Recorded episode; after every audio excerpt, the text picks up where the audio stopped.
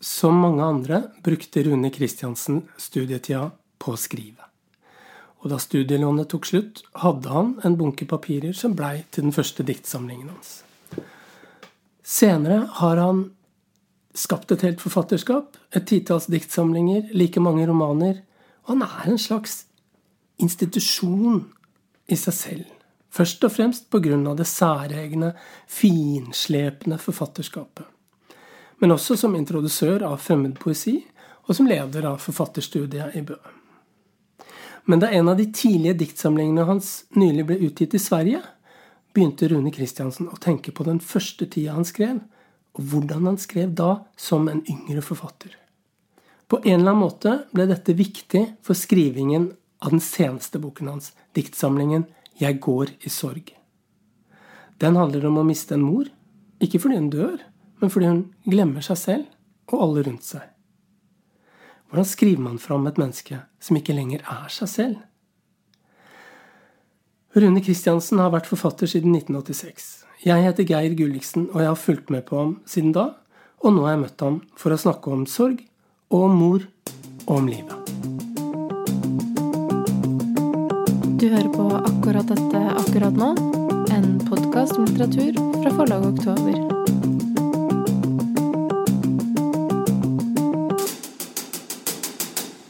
Hei, Rune. Hei, Geir. Hei. Du, eh, vi debuterte samme år. Mm. I 1986. Du debuterte litt før meg. Eh, sånn at jeg rakk å oppleve eh, at den første boka di kom, og at jeg tenkte Faen, han der blir det vanskelig å slå. og det er noe som har forfulgt meg, på en måte. Det er det derre Toget forlater havet. Astmatisk og overvektig. Ja. Mye har forfulgt meg fra ditt forfatterskap. Altså. Okay. Men, um, men, eh, hvordan eh, kom du liksom i gang med å skrive? Hvordan skjedde det? Uh, det er Det er sikkert mange, mange svar på det. Men sånn når jeg nå sitter her noen tiår etter, så, så, er det Jeg må liksom si at det var en voldsom hunger etter å lese og, og, forholde meg til litteratur. Og så hadde jeg jo ikke noe litterært miljø. Jeg var liksom off hele var, Jeg kjente ikke til forlag. Altså, jeg hadde lest noe norsk litteratur, men leste stort sett svensk og fransk litteratur via svensk. Så jeg var veldig der, men, men jeg leste veldig mye. Og så begynte livet å mm, gå forbi videregående skoler og sånn. Hva skal jeg gjøre? Hva skal jeg gjøre? Prøvde meg på å liksom, ta nordisk i Volda først. Hadde et fantastisk fint år der, men fullførte ikke studiet. Og så så begynte jeg bare sånn å nærmest notere og prøve meg fram og se hva, hva det hva skjer hvis jeg skriver? Ikke sant? Og det Det Det ble etter hvert en Den gang tenkte jeg ikke manus engang, jeg tenkte bare en bunke. Ja. Og så tok jeg denne bunken. Da, da hadde jeg droppa ut av alle studier og tenkte jeg må, ha en, må ha en liten billig hybel i Oslo. Jeg må bo i byen. Og så kom jeg inn på Rønningen folkehøgskole, hadde en hybel der, og fikk et studielån. Og så brukte jeg den tiden på å skrive. Og så sa de der oppe på Rønningen at du er jo aldri til stede i noe undervisning og ingenting sånt, så kanskje det er like greit at du slutter. Og da hadde jeg bunken levert. Gikk ned på Tronsmo bokhandel og de hadde gitt ut Per Pettersons uh, John Fante, og så ga de ut noen tegneserier og litt sånne ting. Sånn, det er, eh, det er, da driver de et forlag, og her har jeg kjøpt mye bøker, så hvorfor ikke høre? Og så sendte de meg ned i kjelleren. Der sto Jon Sveinbjørn Jonsson. Og han sa jeg tar imot dette da for Oktoberforlag. Ja, fint, ikke sant. Så, og var, jeg var helt sånn Ante ikke hvor det skulle ende. Jeg hadde ikke noe sånn jeg hadde jo lyst til at det skulle være en bok inni der. Um, men ville egentlig bare ha en leser, tror jeg. Altså sånn. Og det da ble det Torleif Grue, og han var relativt ny på forlag og nølte og sånn. Og så havna jeg på Dreyer med to bøker, men var og spiste lunsj på Oktober, snakka med Torleif, og det var sånn. Og så var jeg i gang, og da, da det, det skjedde bare sånn lesing Altså, jeg tegnet mye. Så begynte jeg å skrive, sluttet å tegne.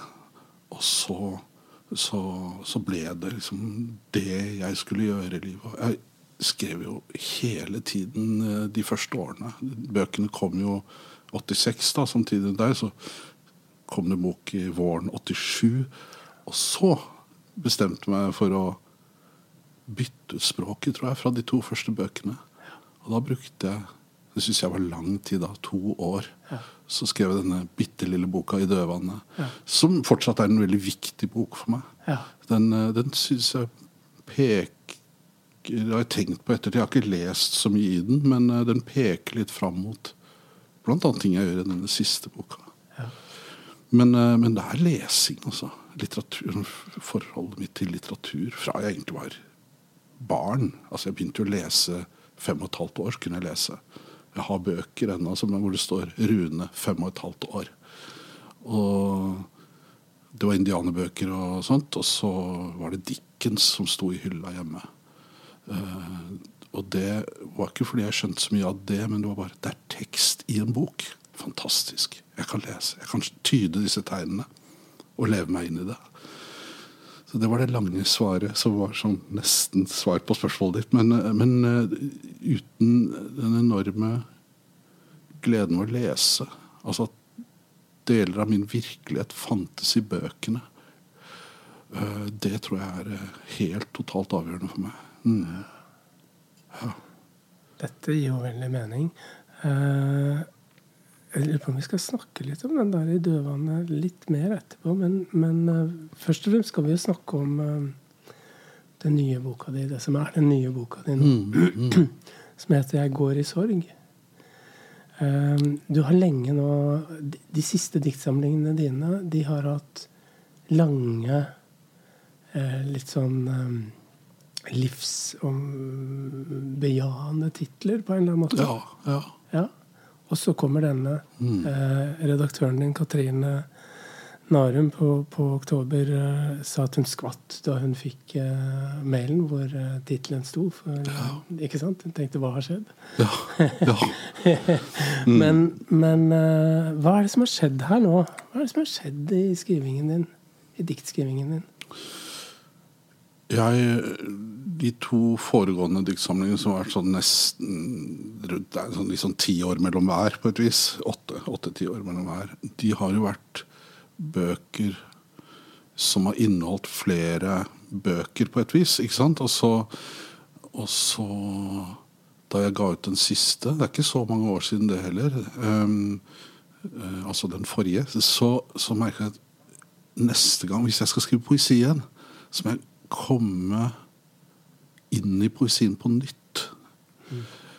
Og um, i fjor så var det et bitte lite svensk forlag som, uh, og en oversetter som er veldig sånn entusiastisk rundt forfatterskapet mitt, uh, Jonas Rasmussen. og Han ville oversette den, og så han funnet et forlag, så oversatte han 'Hvor tog forlater havet'. Og jeg har ikke sett på den boken på 30 pluss år. ikke sant? Så måtte jeg jo lese korrektur og lese den på svensk. Og så var bare det at den fantes plutselig på svensk, var så rart. Det var så var liksom, Den hadde kommet hjem på et eller annet vis. Det er så ekstremt mange svenske referanser i den, og sitater og sånt i den boka. Og det ga meg Det var liksom en av nøklene til å Hvordan var det den tiden jeg skrev? Hvordan var det da? Jo, jeg bare, jeg bare skrev. Og jeg begynte samtidig å måtte forholde meg til moren min, demensen, fjernheten En person jeg, jeg, har vært veldig glad i og blitt kjent med på nytt de siste 20 årene. på en måte, og, så bli, sånn, eh, og, og hatt veldig sans for henne, så bare forsvinner hun. ikke sant, altså, Det er jo både hennes og min livshistorie på et eller annet vis Og da begynte å våkne om nettene. Nesten en klisjé. ikke sant? Altså, begynte jeg bare å notere. kom plutselig sånn, Oi, en setning her, en setning der, som var veldig relatert til mm, barndom, oppvekst med moren min, hennes barndom, det hun har fortalt. Men bare i sånne riss. Og jeg bestemte meg da for å ikke utvikle lange dikt, og sånn, men bare, bare stole på nesten notatet som sjanger, på et vis. da. Selvfølgelig bearbeide det litt, og sånn, jeg ga meg også en slags sånn tidsfrist. altså Dette skal jeg ikke jobbe i fem til åtte år med. Dette skal jeg Jeg tenkte sånn dette, Nå snakker vi august, september, oktober. Jeg tror jeg ga meg selv en sånn derre Før jul skal jeg levere dette til Katrine, eh, redaktøren. Og, og, og, så får det bli bok eller ikke. Uh, og den hastigheten, eller det der prekære også ved skrivemåten, da, det var så interessant for meg. Og det minnet både om den første boka mi, altså de første, den første tiden, det var i begynnelsen av 20-årene. Og det føltes veldig nytt for meg å gjøre sånn, og bare stole på nesten innfallene. Og la dikten få lov å være på en linje eller tre eller fire eller litt lenger. Og så stole på det som var Hva skal vi si et, en type litterært språk. Altså lesereferanser, eh, mitt eget liv, sånne hukommelsesbrokker fra, fra reiser jeg har gjort, og lesinger og alt det der.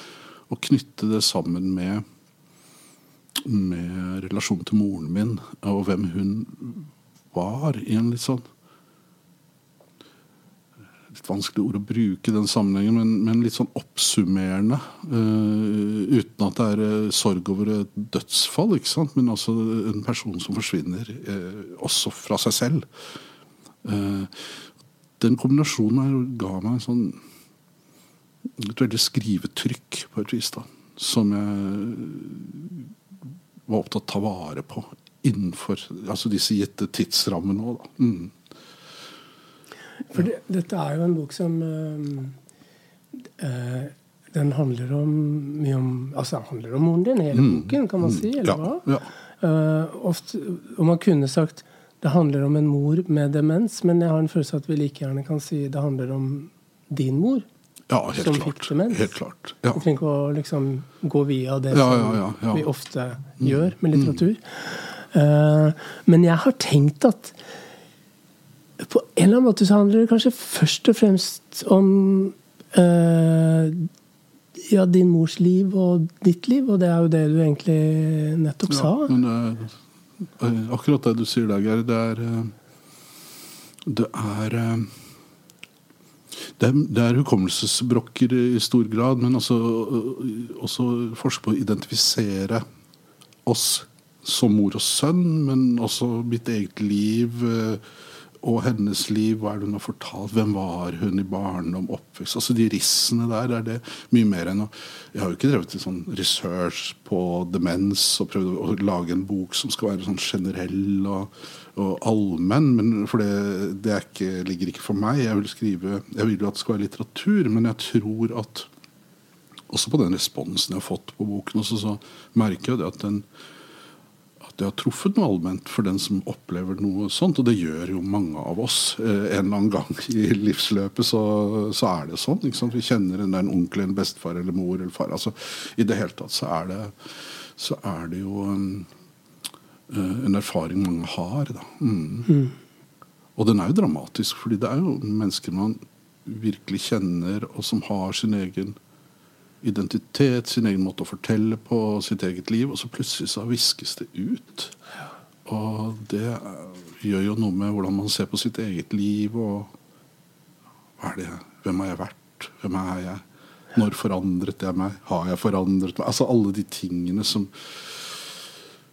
Mylder av bitte små hukommelsesbrokker og angster og fobier og kjærlighet og, og sånt. Alt det kastes litt sånn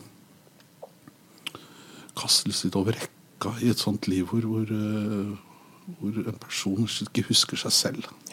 Husker ikke sitt eget liv. Og det er, eh, er et stort mysterium der også, ikke sant? Uferdig selvportrett. Jeg tar farvel med mor. Hun gir meg en nøkkel, men eh, det finnes ingen nøkkel, bare hånden utstrakt, og avskjeden, et knapt hørlig etterskjelv.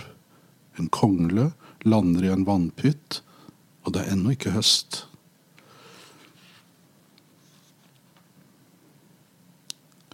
Du er velkommen. Både diktene og vinden er sølvskimrende og uten hvile.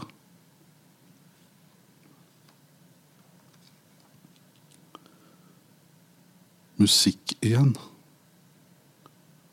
De vårlige vekstene i vinduskarmen, de høstlige vekstene i framtiden, og dagen vender slik mor vender seg vekk fra seg selv. Men hva er helt stille i verden? Ingenting er helt stille i verden.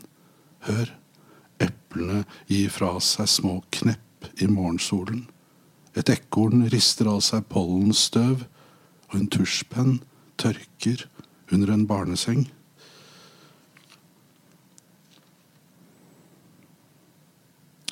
En betraktning på et tog om natten. Jeg tror det som lever omkring oss, deler vilkårlige innsikter med oss. Hele tiden denne raslingen av nærvær. Men hva er utgrunnelig verden? Rommet hun etterlater. Bare det.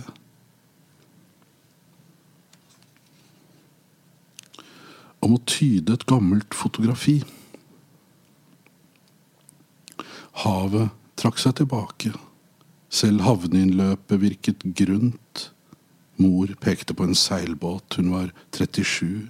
Året var 1975. Det at jeg tenker på dette enkle øyeblikket som for lengst har forlatt oss, det er overraskende. Som om noe avgjørende lå skjult i hjertet, og dermed også i sjelen, et mulig bevis på at den fins. Men hjertet rommer kun hjertets arbeid, opprettholdelsen av liv, den grunnleggende hensikten. Sjelen, derimot, den er kravløs. Dens ødselhet er vakker og uransakelig.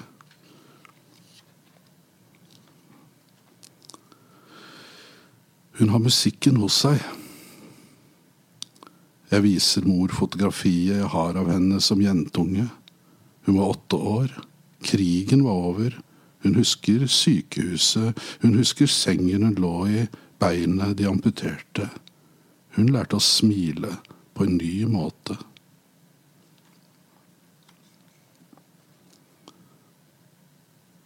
Uferdig portrett av mor. Hun kjenner ikke igjen seg selv, husker ikke lenger bevegelsenes hensikt, beveger seg likevel, trassig og ubehjelpelig. Hun snakker om en regnværsdag da hun som barn forestilte seg et siste evig øyeblikk.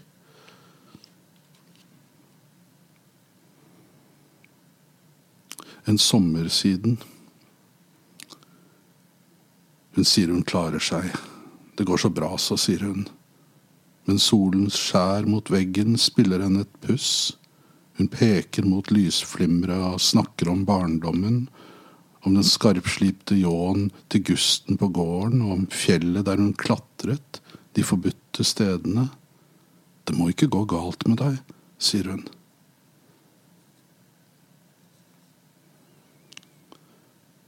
De små sandkornene. Jeg ga meg selv en instruks. Om jeg noen gang skulle skrive dikt igjen, skulle de være av enkleste sort. For eksempel da er jo dagene så trøstesløse. Takk skal du ha.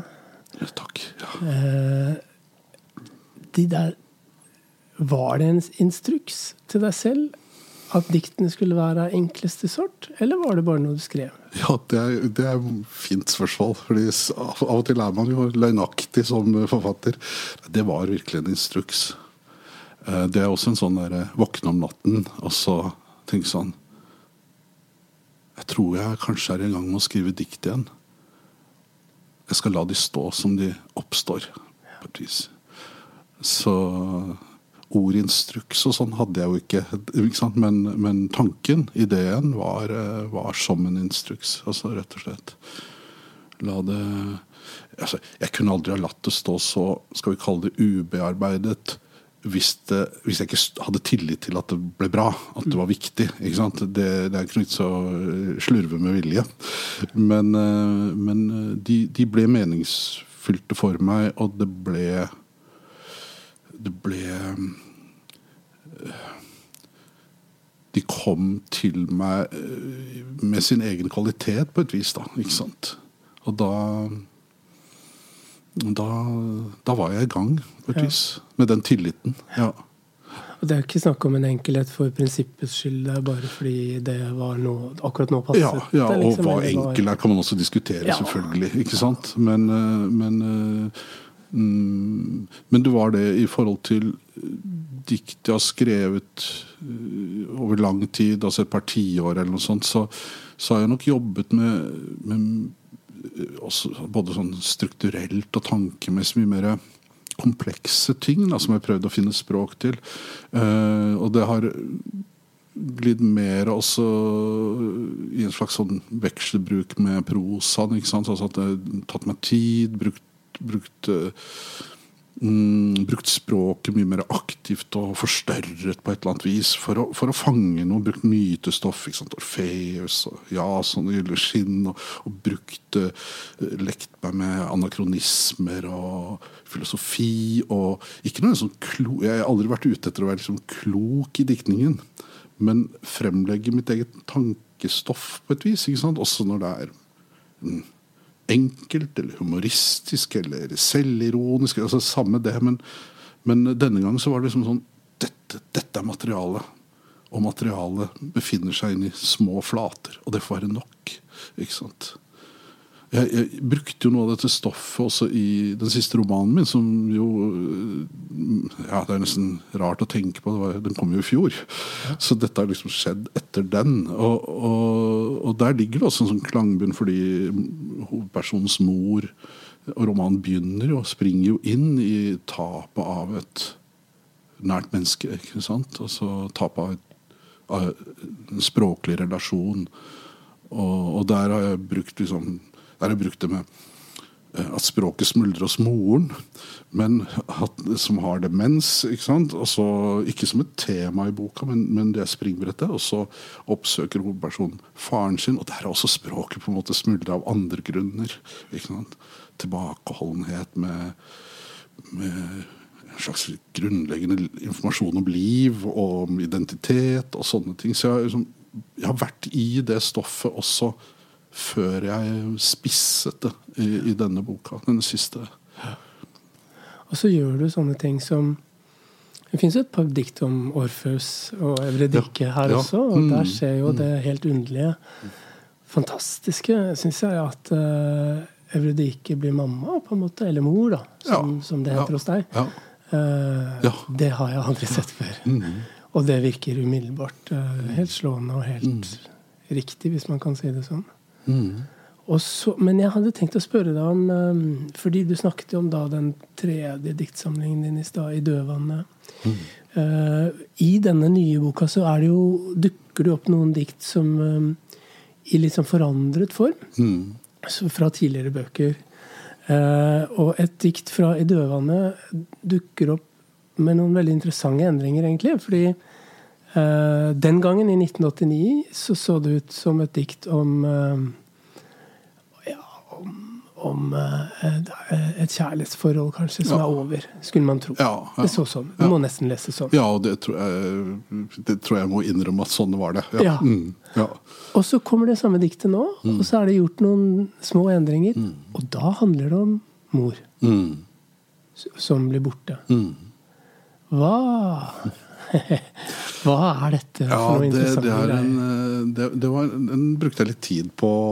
Er det mulig? Men det, jeg tror det jeg kom fram til altså Det er også veldig sånn impulsivt og intuitivt på et vis. Det er jo sånn Istedenfor å være hegne om noen sånne private ting da, I 'Dødvannet' var en sånn en kjærlighetsdiktsamling på et vis, men, men også med liksom tap av kjærlighet. og med utgangen i sikte, på et vis. da. Um, uh, så det bare oppsto i meg en sånn tanke men, men, men det er jo Altså det er jo en type kjærlighet som er mer allmenn enn sånn tosomhet i den første boken. Og det er en annen type kjærlighet. Men kjærlighet er på en måte kjærlighet. Kjærlighet er jo uh, godhet for et menneske og, og, identitet og sammenkoblinger og sånn. Så jeg, akkurat vannet skilte seg litt, og da var det plutselig mor-sønn. Eller jeg og min mor.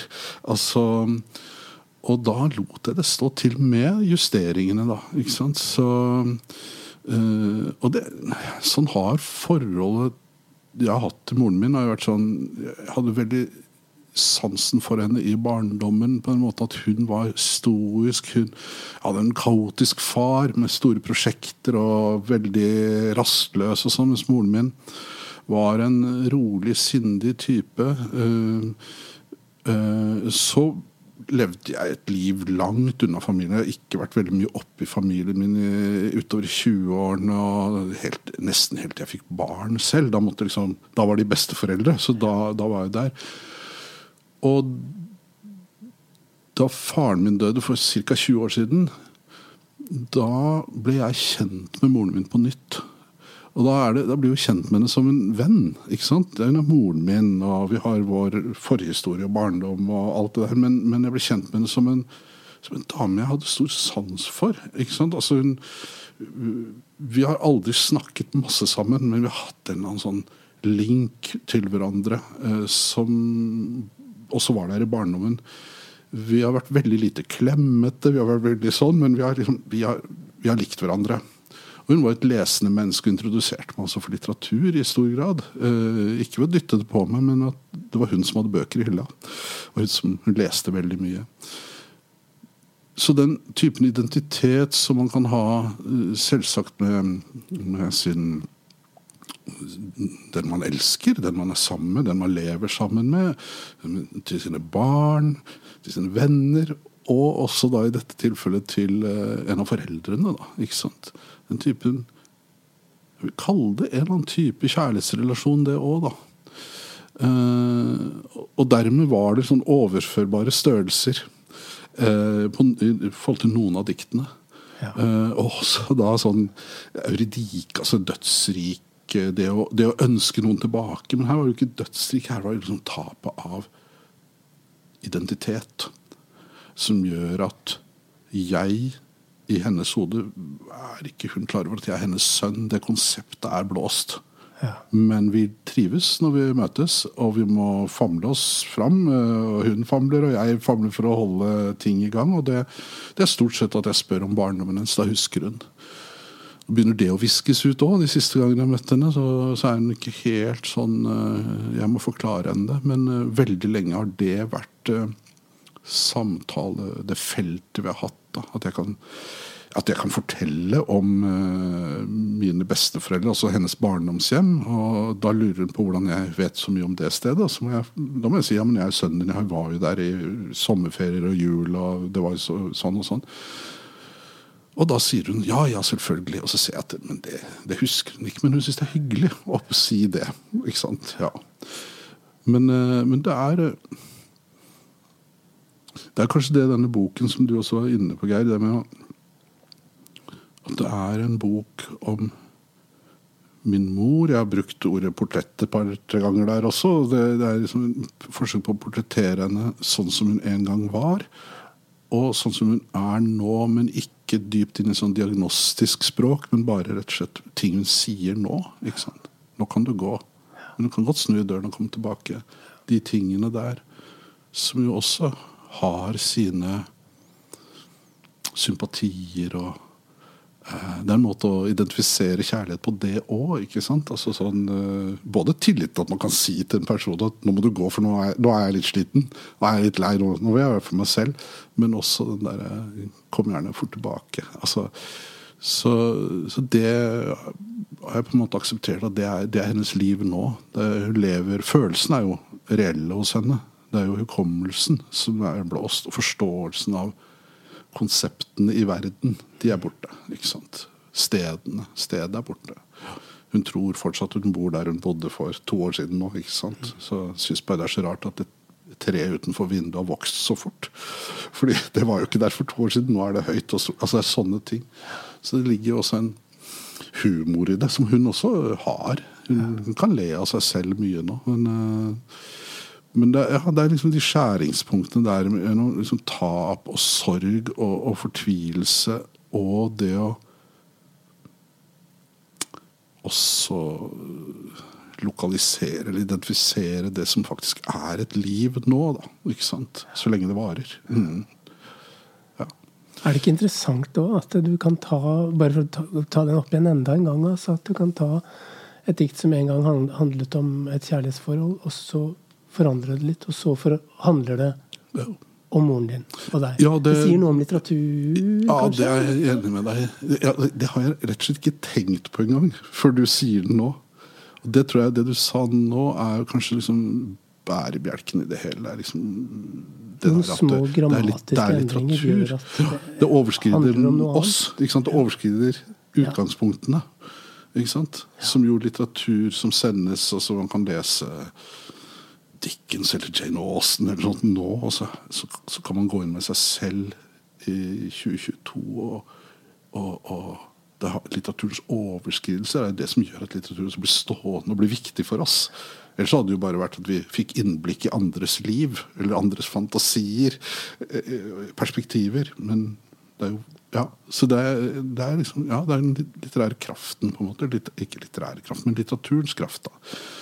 At den eh, den kommer til oss uh, langt overskrider liksom, avsenderens intensjoner og sånt. Da. Mm. Ikke sant? Mm.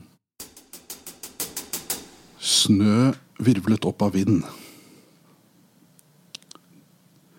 Det hun tenker, synes å forferde henne. Sad is the way that I feel. Hun spør meg hvem jeg er. Jeg svarer at jeg er sønnen hennes. Et av disse øyeblikkene da det selvfølgelig er utenfor rekkevidde. Hun sier jeg har vokst. Hvem er du? gjentar hun.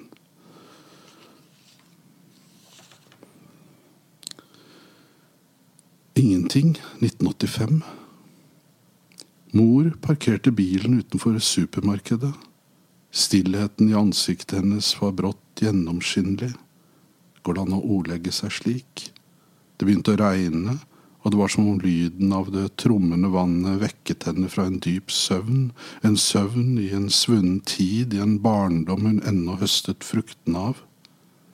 Mange år senere kan jeg finne på å tenke at datidens ord verken var ømme eller ironiske, bare aktsomme som mors ansikt. Jeg husker så mye. Bildøren slo igjen med et bløtt smell. En strim sol gnistret under skyene, og alt annet som gikk opp i erindringens slump. Egentlig ingenting.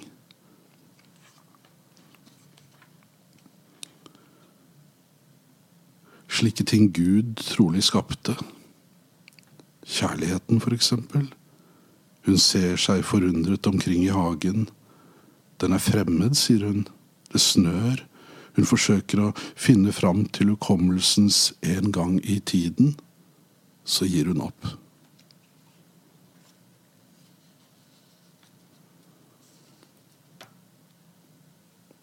Noe i likhet med en venn. Hun er ikke lenger rede eller i stand til å betro seg til andre mennesker. Men så sier hun, jeg liker å ha besøk av deg, bare ikke for lenge av gangen. Du kan gå nå, sier hun men du må gjerne snu i døren og komme tilbake. En bred, gråhvit grense av skum. Jeg spaserer langs stranden. Vinden er kraftig. Det er behagelig å være til i den fargeløse senhøsten. Jeg tenker på mors ubestemmelige behov, det som har gått tapt et barndomshjem hun har glemt, en blek klassevenninne rett etter krigen, en krig hun også har glemt. Det er virkelig trist.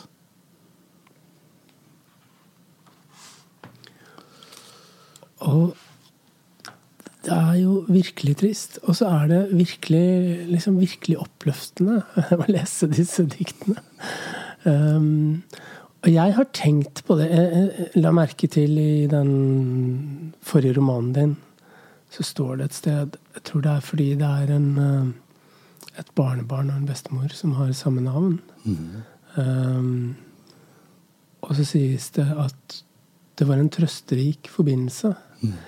Um, og dette med trøst Det er noe som oppleves som veldig, veldig trøsterikt ikke bare i disse, denne siste boken din, men i kanskje den senere delen av forfatterskapet ditt. Mm. Gir dette noe mening? Ja, det gir mening. Det er jo det er litt sånn vanskelig å snakke om uh, sånne ting, men uh, det har med sånn jeg opplever uh, livsvilkårene at jeg, jeg, trenger ikke å grave fram mørke og, og, og, tap og sånt. Det, det, jeg trenger, er å forstå verden med nettopp en sånn en, en type selvomsorg, tror jeg det er. Eh, hvis det er mulig. Det er ikke det at jeg skriver fram bøker som gir trøst, men jeg leter etter forståelse av virkeligheten og verden og livet mitt. Eh, med med det for øye å holde fast ved en eller annen håpefullhet, tror jeg. Som jo er trøst. Ikke sant? Har man håp, så er det, det er trøst i håp, da, for å si det veldig blatant og enkelt. Men, men eh, og det, det, følger meg gjennom bøkene. Jeg setter jo Det er jo at jeg skriver, og hovedpersonene i de siste romanene mine Kanskje særlig, kanskje det har alltid vært sånn, men nå har jeg valgt å skrive fram kvinnelige hovedpersoner. Det er nok for å få avstand til meg selv, fordi er det noe Er det noe jeg på et eller annet vis føler meg nær, så er det disse Lydia og Agnes og Fanny og, og, og Norma i den siste. Det er sånn de de er jo skjulte selvportretter på et vis. Og det å sette de, eller prøve å grave meg inn i livsvilkårene på den måten, eh, er jo å finne veier ut. Og det er ikke alltid det fins, det er ikke alltid det går opp. Men, um, men bøkene, de bøkene jeg snakker om, de, de avsluttes jo alltid veldig sånn åpent, kanskje optimistisk uh, ende, uh, altså avslutning på romanene. Det er kanskje, det er noe som er åpent, i hvert fall. Jeg holder det åpent. Og det, det er for å liksom, sånn, trassig holde fast ved en eller annen håpefullhet i verden. Altså. Jeg syns ikke verden er spesielt uh, lett å hanskes med. jeg opplever at at verden taper seg selv litt. Og da, da må man i hvert fall eh, overfor seg selv og for folk rundt den, både i nære og i den store verden, man prøver å liksom opparbeide håp som en type solidaritet, tror jeg også. Ikke sant? Det er en veldig stor forskjell på de tidlige romanene dine og de senere romanene, mm. er det ikke det? Jo. Og det har noe jo. med dette å gjøre? Ja, det har det. Men har det også med det å gjøre, som du sa, at de har kvinnelige hovedpersoner, så en eller annen annen type mm. forvandling fra deg selv må til? Ja, ja, det tror jeg er riktig. Altså at eh, jeg må eh, Jeg skriver jo alltid på kloss hold. Og da er det noe i bøkene som er på kloss hold. Og det betyr som forfatter så må jeg skyve dette på kloss hold unna. Så altså jeg må liksom Jeg må finne en måte å takle denne én-til-én-aktige framstillingen av eh, indre liv og tanker og sånn. Og da er det også igjen med litteraturen en mulighet til å liksom skyve det vekk fra seg selv. Fordi det må gjennom språk. Og språk tar tid. Språk som, som en av kunstartene, for å bruke et sånt ord, så er jo litteraturen den mest tidkrevende. Både for den som arbeider med det, sånn stort sett, eh, og ikke minst for den som skal innta verket utenfra. Og det er derfor vi gir ut bøker, for at noen andre skal oppleve noe. Uh, det tar eh, det er, det er, veldig lite med litteratur som er umiddelbart. Du kan holde en bok i hånden, og så ser den sånn og sånn ut. og det, Man kan tiltrekkes av boken, og sånn, og så, men man, det krever tid å lese. Å stå på et galleri og se malerkunst og sånn, f.eks., er, er liksom mye mer umiddelbart. Og Dette er ikke sånn hierarki som er sånn verdi, ikke verdi, men, men, men litteraturen tar tid, altså. Og det syns jeg passer det stoffet og det jeg har. og det, det engasjerer meg. Det, det, jeg syns det passer at det tar tid. Jeg trenger tid. Derfor skriver jeg litteratur. Og, og sluttet å tegne i sin tid. Jeg tegnet, og det var det jeg tenkte at dette skal jeg holde på med. Altså, men, men det det måtte vike plassen på en måte for denne langsomheten i litteraturen, som, er, som jeg syns er veldig tiltrekkende. Mm. Og jeg kan også være en rastløs leser. Altså jeg, jeg, har lest mye i mitt liv, men jeg, det koster meg mye mer nå å lese. Men jeg, noe må jeg lese, fordi ja, pga. på grunn av juryarbeid og alt sånt. Men, men, eh, men, det å gå til litteraturen helt sånn fristilt fra det, det syns jeg fortsatt er helt fantastisk. rett og slett. Ja. Og jeg kan lese samme bøkene om igjen. Mm. Jeg vet at her finner jeg noe. Ja. Fortsatt de gamle svenske. Ja, ja ikke sant. Ja. Men du har gått tilbake altså til På et eller annet vis gått tilbake til Prøvd å gå tilbake til en måte å skrive på.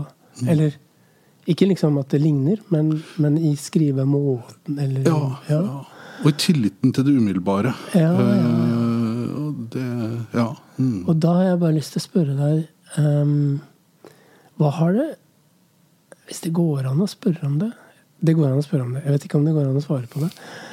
Hva, hva har det gjort med deg at du ble forfatter?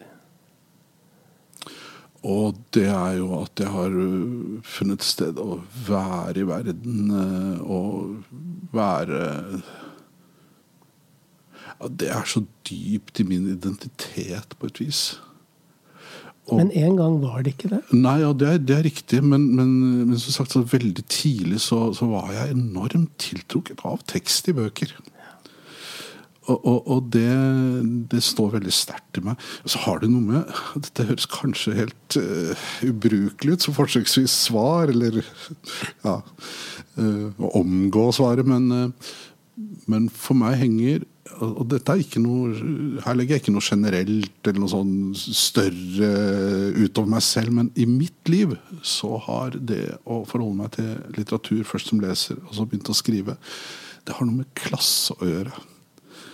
Og det er ikke fordi liksom, min arbeiderklasse, og, og, som sto veldig sterkt i meg altså, det, det, er ikke sånn at arbeiderklassen leser, ingen andre gjør det. Men for meg hadde man at Eh, sånn retrospekt, altså Senere i liv, som voksen, så, så, dukket jo dette ordet klassereise ble mer sånn aktuelt. og var, altså, var noe man diskuterte og skrev om for bare en tiår eller to siden. Eh, for meg, helt um, uten å ha begrepene på plass, så, så var det at det å lese Det å fylle min, mitt liv som gutt i arbeiderklassen det var en måte å ikke foreta en klassereise.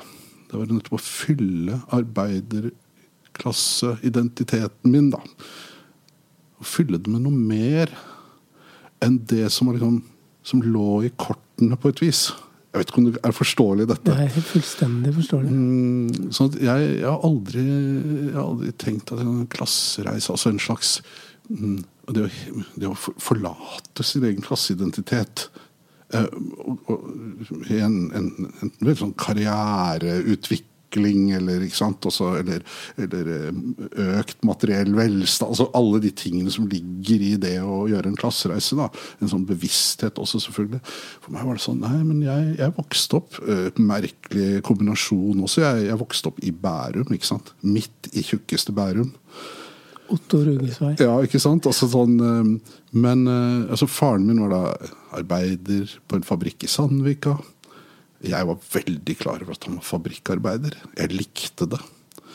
Jeg syntes det var fint. Og etter hvert som jeg begynte å lese og se film, så var jo filmer også, litt sånn tiltrekkende filmer som sa noe om min egen mitt eget ståsted i verden. Det kunne være alt fra sånn fattig Italia på 30-tallet, sånn sykkeltyven og sånn. Den typen mennesker identifiserte jeg meg veldig sterkt med. Og jeg, jeg var jo i en sånn øh, Familielivet vårt var jo sånn at det, det gikk fra, fra en sånn ja, blokk vokste opp i en blokk på Otto Rugges vei, det var trygt, det var fint, faren min hadde jobb, alt sånt. Så gikk det liksom nedover med familien. Vi ble utrolig fattige, rett og slett. Altså det der, eh, og flyttet rundt, og, det var skikkelig dårlig. Og min inngang til 80-tallet, det beryktede 80-tallet, var jo at vi flyttet da til et sted for meg som var helt totalt fremmed. Det var Hokksund inn i et stort kråkereiet hus uten innlagt varmtvann og med utedo. Altså, og dette er ikke 37, dette er altså 1979-80 og sånn. Og, og, og, for meg var det sånn Det også hadde noe med at etter hvert så hadde jeg litteraturen, lesingen, radioteater. Sånn fattigmannsteater. ikke sant? Jeg kunne ta opp på kassetter. Jeg kunne høre på det mange ganger, kunne lese om igjen. Så alle de tingene jeg kunne Billigst måte liksom skaffe meg av skal vi kalle det kulturinntrykk, det tok jeg veldig godt vare på. Så ja, det har liksom Skrivingen, forfattervirksomheten, eh, har altså vært så knytta til det å holde fast ved min egen identitet i større og større grad. Og det er det fortsatt det å skrive for meg og, bakse med meg selv og, og, ha tillit til meg selv og ha tvile på meg selv. Alt det der det ligger på en måte i, i det jeg skriver, rett og slett. Altså. Så det er en så stor del av meg, og den blir ikke mindre.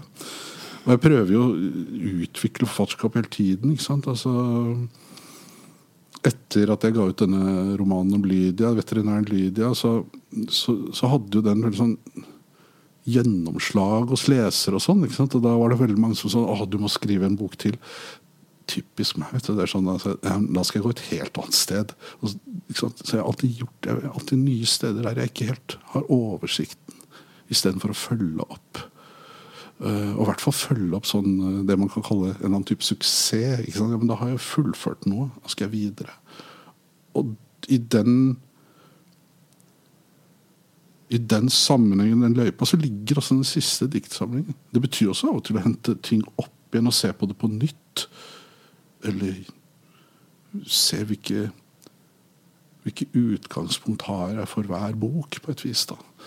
Og det, så det er, det er sånn, Bøkene mine er i stor grad meg, ikke sant. Mm. Det er det er mitt indre liv, de årene jeg har jobba med. Hvis jeg jobber fem år med en bok, så ja, det, det, er de fem årene i mitt liv, på et vis. ikke sant? Og jeg er meg selv og har det best mens jeg skriver. Det er meningsfullt for meg å stå opp om morgenen og vite at nå er jeg inne i en roman. Det kan godt ta fem år, eller ti år, eller tre år, eller ett år. Det spiller ingen rolle. Bare, det er en så stor del av det jeg ønsker for mine egne dager, på et vis. Da. Det å være i, være i skrivingen. Ja. Så, ja. Kunne du tenkt deg å lese bare ett dikt til slutt? Kan du lese det aller siste? Det som står på baksiden av boken. Det står på baksiden, men ikke inni boken. Ja. Det, det er det siste som kom til også. Det, det skrev jeg Det er nesten helt uforandret. skrev jeg uh, i fjor uh, høst uh, på et hotellrom nede i Saint-Nazaire i Frankrike. Det bare kom, og det var etter at jeg hadde sett en kortfilm um, en liten kortfilm av Margaret Tate fra Orknøyene, en filmskaper som jeg har satt stor pris på. Som også er nevnt i denne boken. Uh, og jeg tror det er det fineste diktet jeg vet om i verden. Jeg pleier ikke å si sånn, men, men Gerard um, Mandy Hopkins sitt dikt 'The Leaden Echo and The Golden Echo' det er et et helt sånn utgrunnelig og helt fantastisk dikt som slår meg hver gang. Men Så diktet har fått tittel etter å ha lest dette diktet, da. Prøv å lese det. En kald dag om våren er hjertet endelig befridd. Og døren som ble åpnet, som mor åpnet, den lukkes stille bak oss begge. Men hengslene knirker, de knirker i minnet, knirker, ja, nettopp den lyden, knirk, knirk. De lyder fortvilet, hengslene, de nekter å gi tapt for glemselen. De vil ha døden på gløtt, selve døden, de knirker hengslene. De lyder fortvilet, fortvilet, fortvilet, fortvilet fra morgen til farvel. Tusen takk, Rune. Takk skal du ha. Lytt til flere episoder av akkurat dette akkurat nå, der du hører på podkast.